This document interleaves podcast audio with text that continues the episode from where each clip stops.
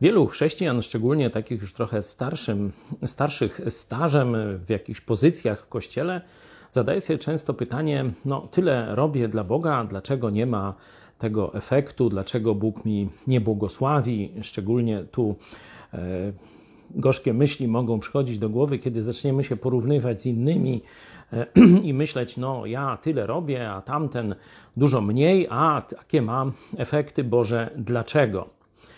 Podobne myśli mieli uczniowie i pamiętacie, jak się tam przy Jezusie przypych, przepychali, chcieli jakieś tam wyższe miejsce i tak dalej. Jezus ich karcił, ale ciekawe jest pożegnanie Jezusa, dokładnie już takie przygotowanie do misji, na przykład apostoła Piotra. Nie wiem, czy zwróciliście uwagę, Jezus trzykrotnie zadaje e, Piotrowi to samo pytanie. Piotrze na różne sposoby używa tam w pewnym momencie innego słowa na określenie miłość, ale dalej idzie w tym samym kierunku. Trzy razy pyta, czy ty mnie kochasz?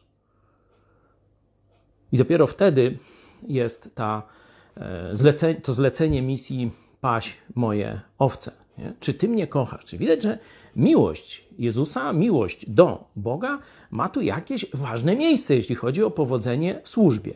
I potwierdzenie tego przypuszczenia znajdziemy w pierwszym liście do Koryntian, ósmy rozdział, werset trzeci. Lecz jeżeli kto miłuje Boga, do tego przyznaje się Bóg. Zobaczcie.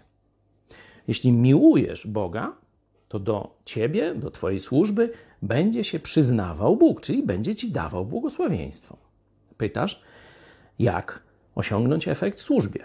Zapytaj najpierw, czy ty kochasz Jezusa Chrystusa z całego serca, z całej myśli, z całego życia, z całych sił swoich.